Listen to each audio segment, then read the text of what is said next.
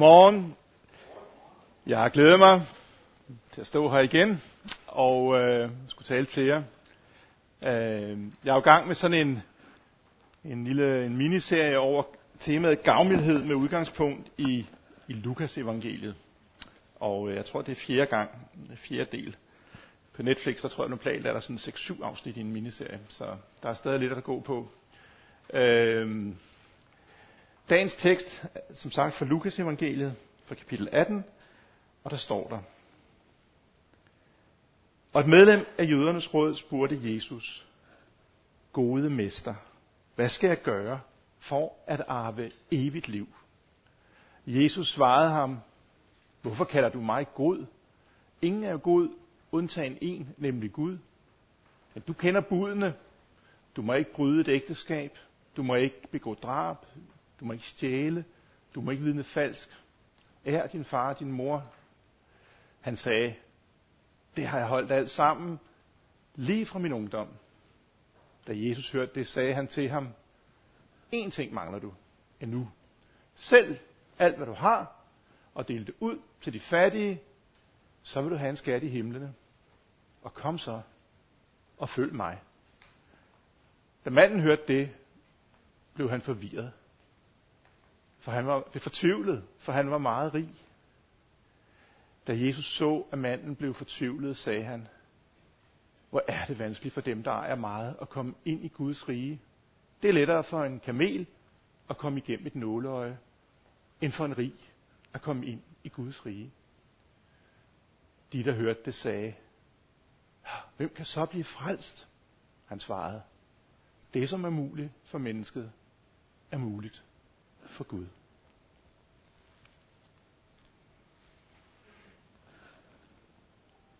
Lad os bede sammen. Herre, vi takker dig for dit ord til os i dag. Herre, vi takker dig for din tale til den unge mand, og herre, dit vidnesbyrd om, at alt er muligt for Gud. Og herre, vi beder om, at vi må se, hvad du kalder os til, når du kalder os til at følge dig som du kaldte den unge mand. I Jesu navn. Amen. Kan du slukke sliden? Vi har set på, at gavmildhed, det er, det er sådan en nøglekarakteristik af Gud. Det er dybt, dybt ene i Guds hjerte. Det er en vigtig del af Guds identitet. Gud er gavmild. Gud er de fattiges Gud. Gud er de udstøttes Gud. Gud er flygtningenes Gud.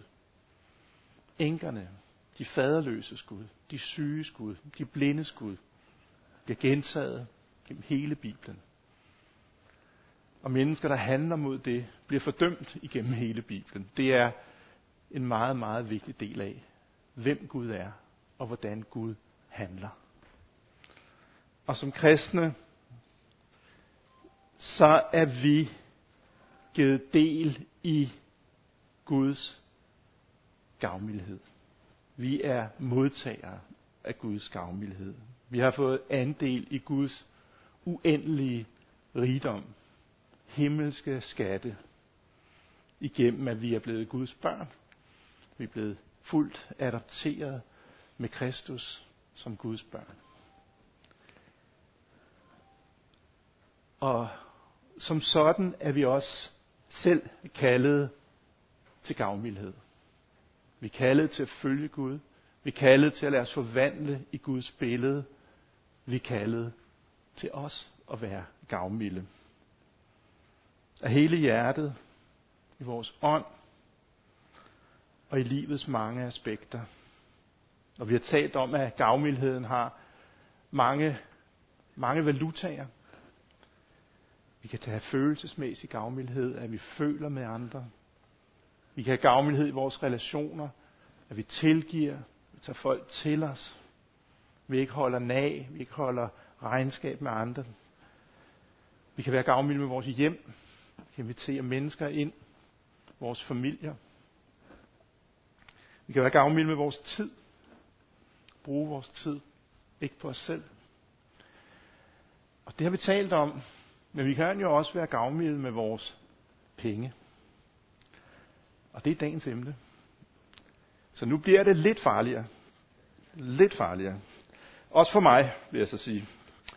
Øhm, det her, det er jo et kendt sted i Bibelen. Vi har formentlig alle sammen hørt prædikner over den her tekst. Jeg husker den fra søndagsskolen. Den der tolkning af, at kamelen og nåleøjet, det var sådan en, en lille bitte dør, man prøvede at trække en kamel igennem. Og så så jeg på, jeg kan huske billedet på flonellografen, vor tids, min barndoms powerpoint. Øh, den her kamel, der skulle igennem nåleøjet. Og øh, hvad hedder det? Men jeg prøver at tage den fra en lidt anden vinkel i dag.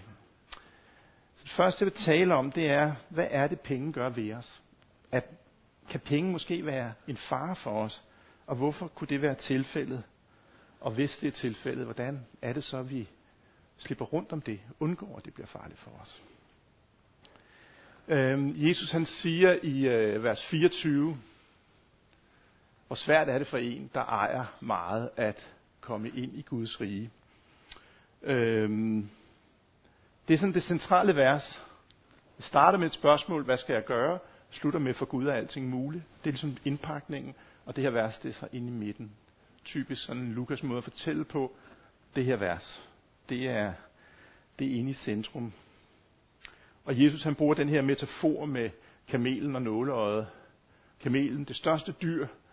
Man har nok måske hørt om elefanter, men formentlig det største dyr, som øh, man har set i Israel på det tidspunkt. Man kunne lige så godt sige, det er lige så sandsynligt som en snemand i ørkenen, en sommerdag, eller andre spændende udtryk, man kunne have for, hvornår noget aldrig sker. Det er som at finde en nål i en høstak, eller hvad, hvad vi nu bruger af den slags udtryk.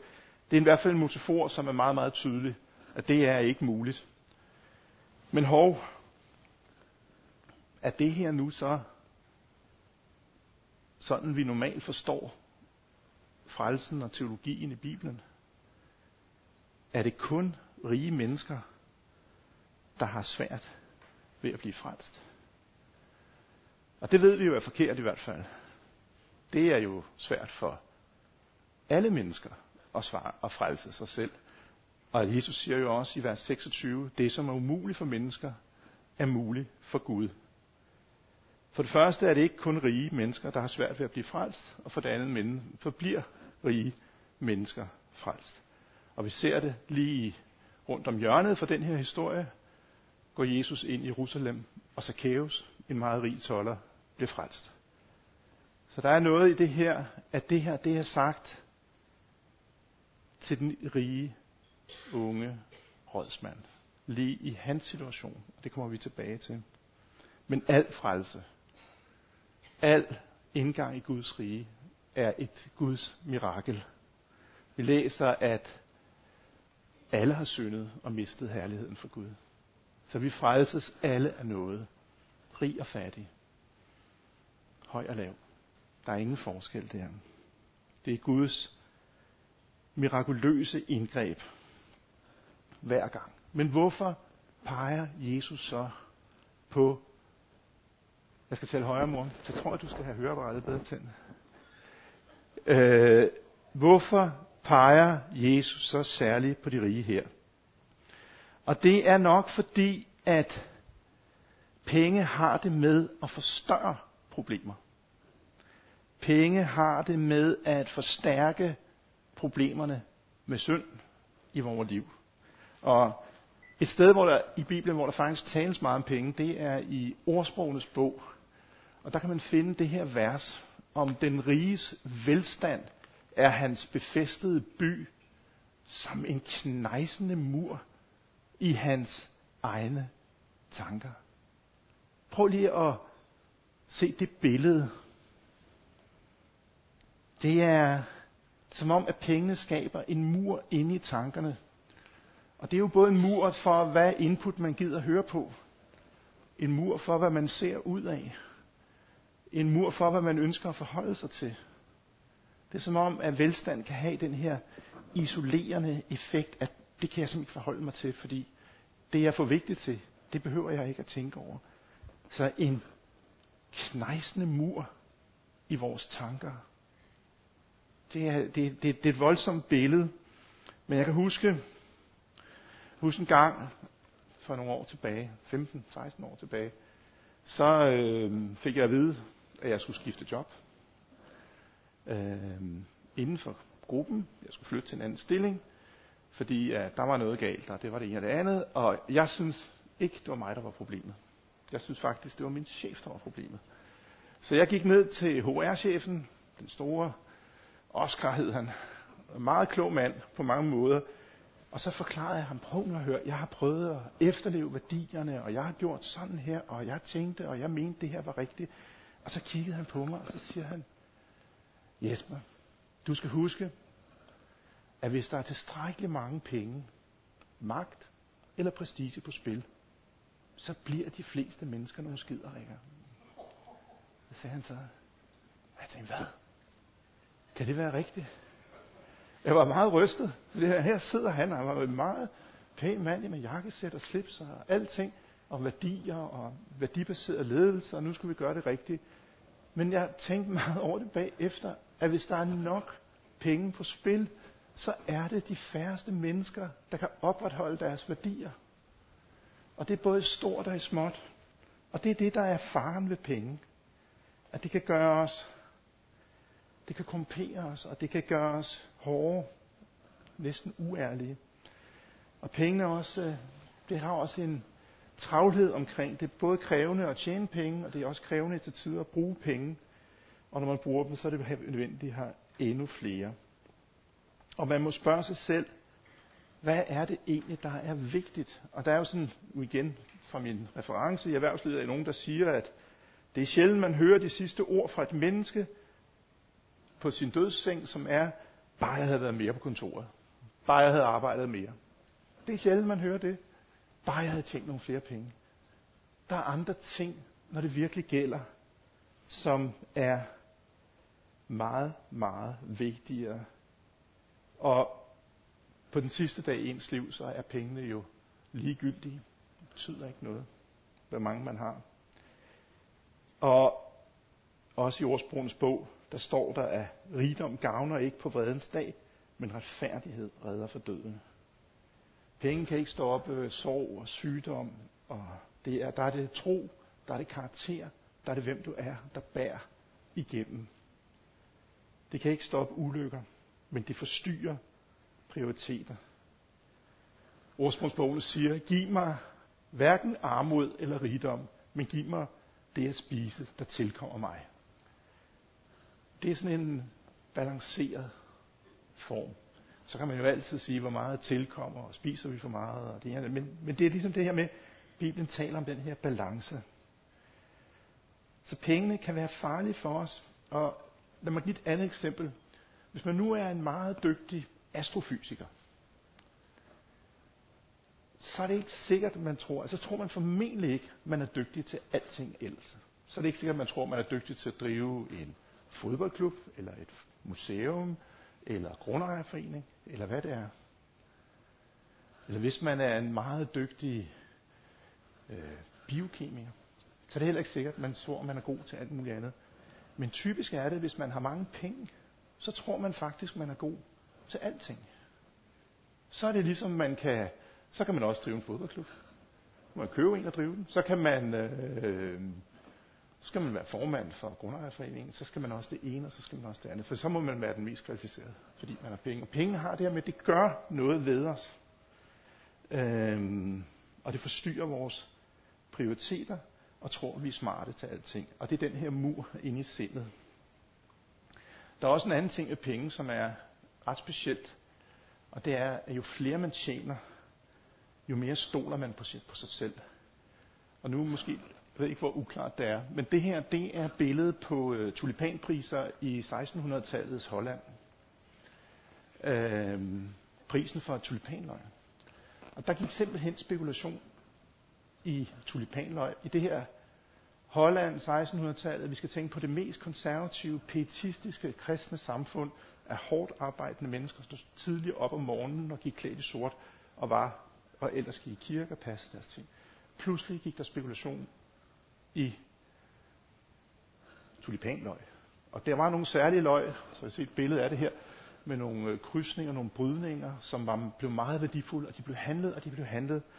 Og pludselig var de fra at være en ingenting, og sluttede med at være ingenting, men så var de oppe og handle i 200 gange den samme pris øh, over en periode af få måneder. Og folk tjente og tabte formuer, årsformuer på at spekulere det. Alle troede, de kunne finde ud af at handle tulipanløg, og det endte i ingenting. Og det gjorde det jo fordi, at folk mistede fuldstændig sansen for risikoen. Og når jeg vælger det her eksempel, så er det for ikke at nævne øh, aktiebobler og boligbobler og kryptovaluta og alle mulige andre ting, som nogen her til stede måske selv råder med.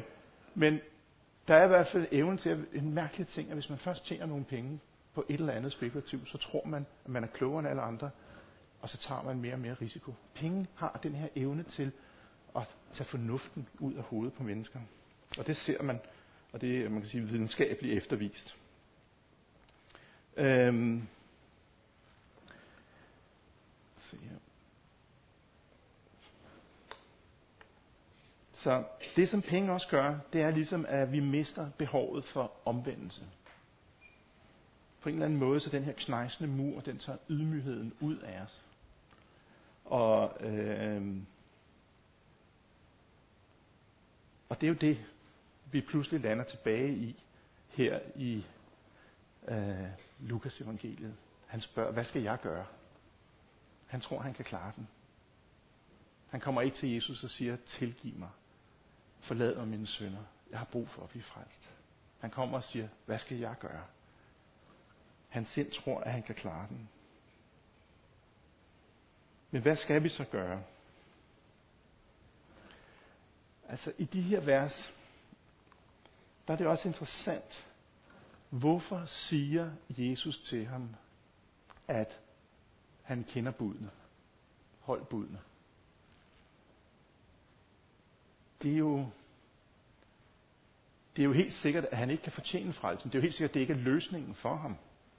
Og vi har allerede lige før den her historie set tolleren og farisæeren, hvor farisæeren var glad for, at han havde holdt budene, men det var tolleren, der gik retfærdigt hjem, siger Jesus. Så hvorfor er det, Jesus anviser ham budene? Hvorfor siger Jesus ikke til ham, du skal omvende dig og tro? Du kan blive frelst ved din tro. Hvorfor siger Jesus ikke det? Og det er som om, at Jesus han er her i den her situation og igennem hele Nye Testamente en underfuld rådgiver, som han beskrives som. Han har ikke sådan et øh, papkort med speaking points. Når nogen siger det her, så skal jeg sige, omvendt og tro. Han siger til øh, kvinden ved brønden, jeg vil give dig levende vand. Han siger til Nikodemus, du skal blive født på ny. Det er som om, han har forskellige indgange, som altid tager udgangspunkt i den enkelte persons eget ståsted. Øhm, og det er som om, at den her unge mand, han ved simpelthen ikke, at han har et problem. Alt det her har jeg gjort. Med andre ord, jeg har jo ikke brug for at blive frelst. Det er jo det, den unge mand siger. Jeg har, jeg har gjort det hele. Og måske, hvis vi spørger sådan rundt i Københavns gader, og siger, der er frelse at få, så kunne man godt risikere at få svaret fra hvad? Ved vi, at vi har brug for frelse? Vidste, han vidste ikke, at han havde brug for frelse. Og derfor så er det, at Jesus han henvender sig til ham på den måde. Og det må vi altid også gøre og tænke på selv. Tage udgangspunkt i, hvor står det menneske, vi taler med. Og ikke trække et papkort op i lommen og læse op. Det er vigtigt, at Jesus gør det. Men alligevel, han spørger. Og hvorfor spørger han? På trods af hans sikkerhed omkring, at han har opfyldt loven, hvorfor spørger han så? Fordi i virkeligheden alle kendte jo svaret. I hans tid, da Jesus gik på jorden, der var svaret, opfyld loven. Gør rigtigt. Lad være synd. Opfyld loven. Det var svaret. Alle kendte svaret. Men det er som om, at den unge mand, han ved alligevel bedre. Der er noget mere. Og hvis man læser salmernes bog, så står der, hvis du, herre, vogtede på skyld, hvem kunne da bestå, herre? Hvem kunne da bestå? Og det er jo det, Paulus tager udgangspunkt i, når han siger, at alle har syndet. Så det er som om den unge mand, på trods af hans forståelse af, at han har opfyldt loven, så ved han godt, at han alligevel ikke er frelst. Det er alligevel ikke helt godt nok. Og det er derfor, han kommer. Og Jesus, han forklarer det pastoralt. Giv det hele væk. Og når vi har den her usikkerhed om, det er godt nok, så er det ligesom om, at man har to yderpunkter. Man kan, man kan tage den her, det vi ser i Nye Testamente blandt farisæerne på sig og sige, jeg har opfyldt loven, ligesom nogen mand gør. Ja, det er godt nok, jeg er god nok. Det er den ene. Eller også kan man gå rundt med viden om, at man ikke er god nok og have meget lavt selvværd. Men det er ligesom om, man balancerer mellem de to. Ej, det er godt nok, det er aldrig godt nok. Og så står man i det her limbo af, af usikkerhed. Øhm, men Jesus han siger, der er lige en ting mere. Giv det hele væk. Og som jeg sagde før, det, det siger han jo ikke til andre. Det siger han faktisk kun her. Giv det hele væk til de fattige. Han sagde det ikke engang til Peter. Han sagde, kom og følg mig. Men de var senere var de i Peters hus med, hans, med, med Peters øh, svigermor. Altså, så han solgte ikke sit hus. Sådan, det er ikke det, vi i hvert fald kan læse, at det var det, Jesus kaldte ham til. Så hvorfor er det, han siger det her? Det er fordi, at pengene er for den, leve, for den unge mand hans levende vand. Det er hans, en del af hans identitet, som har presset Gud ud. Og det Jesus jo siger til ham er, når han siger, at han skal holde budet. Det, hvad er det første bud? Du må ikke have nogen anden Gud end mig. Og han har jo tydeligvis en anden Gud, som presser Gud ud, nemlig hans velstand. Og det er derfor, Jesus han siger til det. Og han kunne jo ikke, fordi pengene var vigtigst. Og det vil sige, at der er ingen anden Gud. Og vi har et første bud om at tilbede Gud og kun Gud. Men det står klart, at det har vi svært ved, og penge har det med at trække sig, trænge sig foran. Og derfor har vi brug for en frelser. Og kun Jesus kan være vores frelser og vores retfærdighed. Ingen er retfærdig, kun igennem Jesus.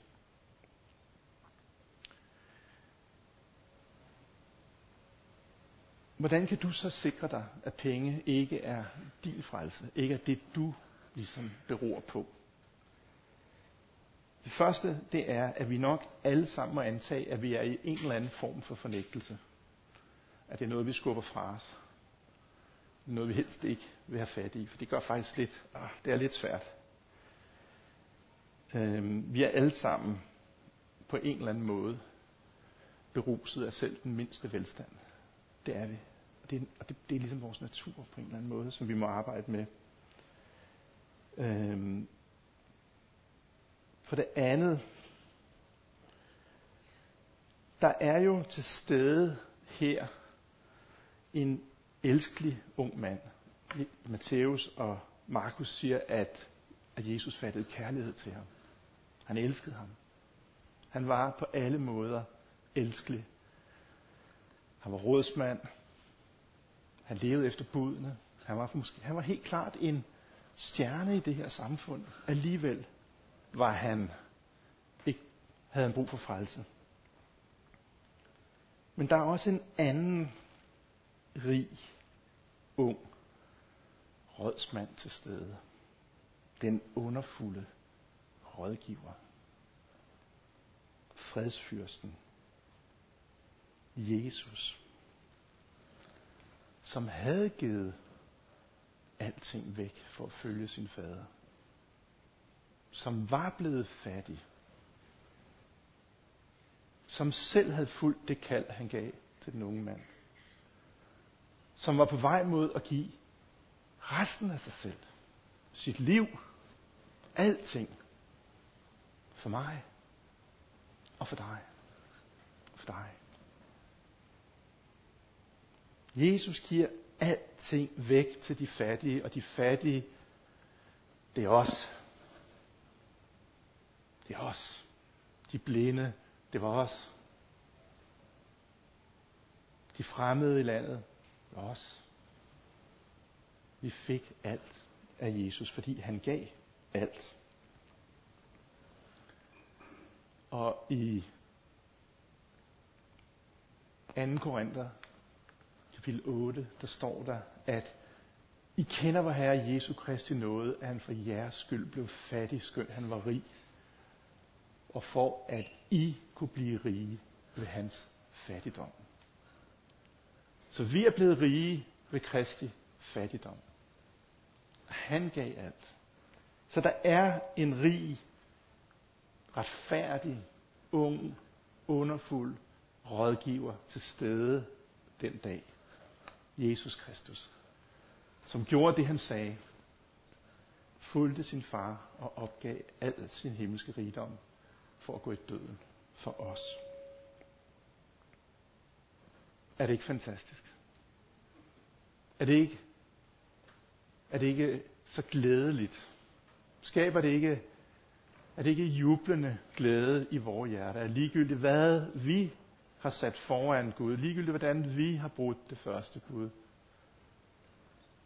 så gav Jesus alt og blev fattig for os.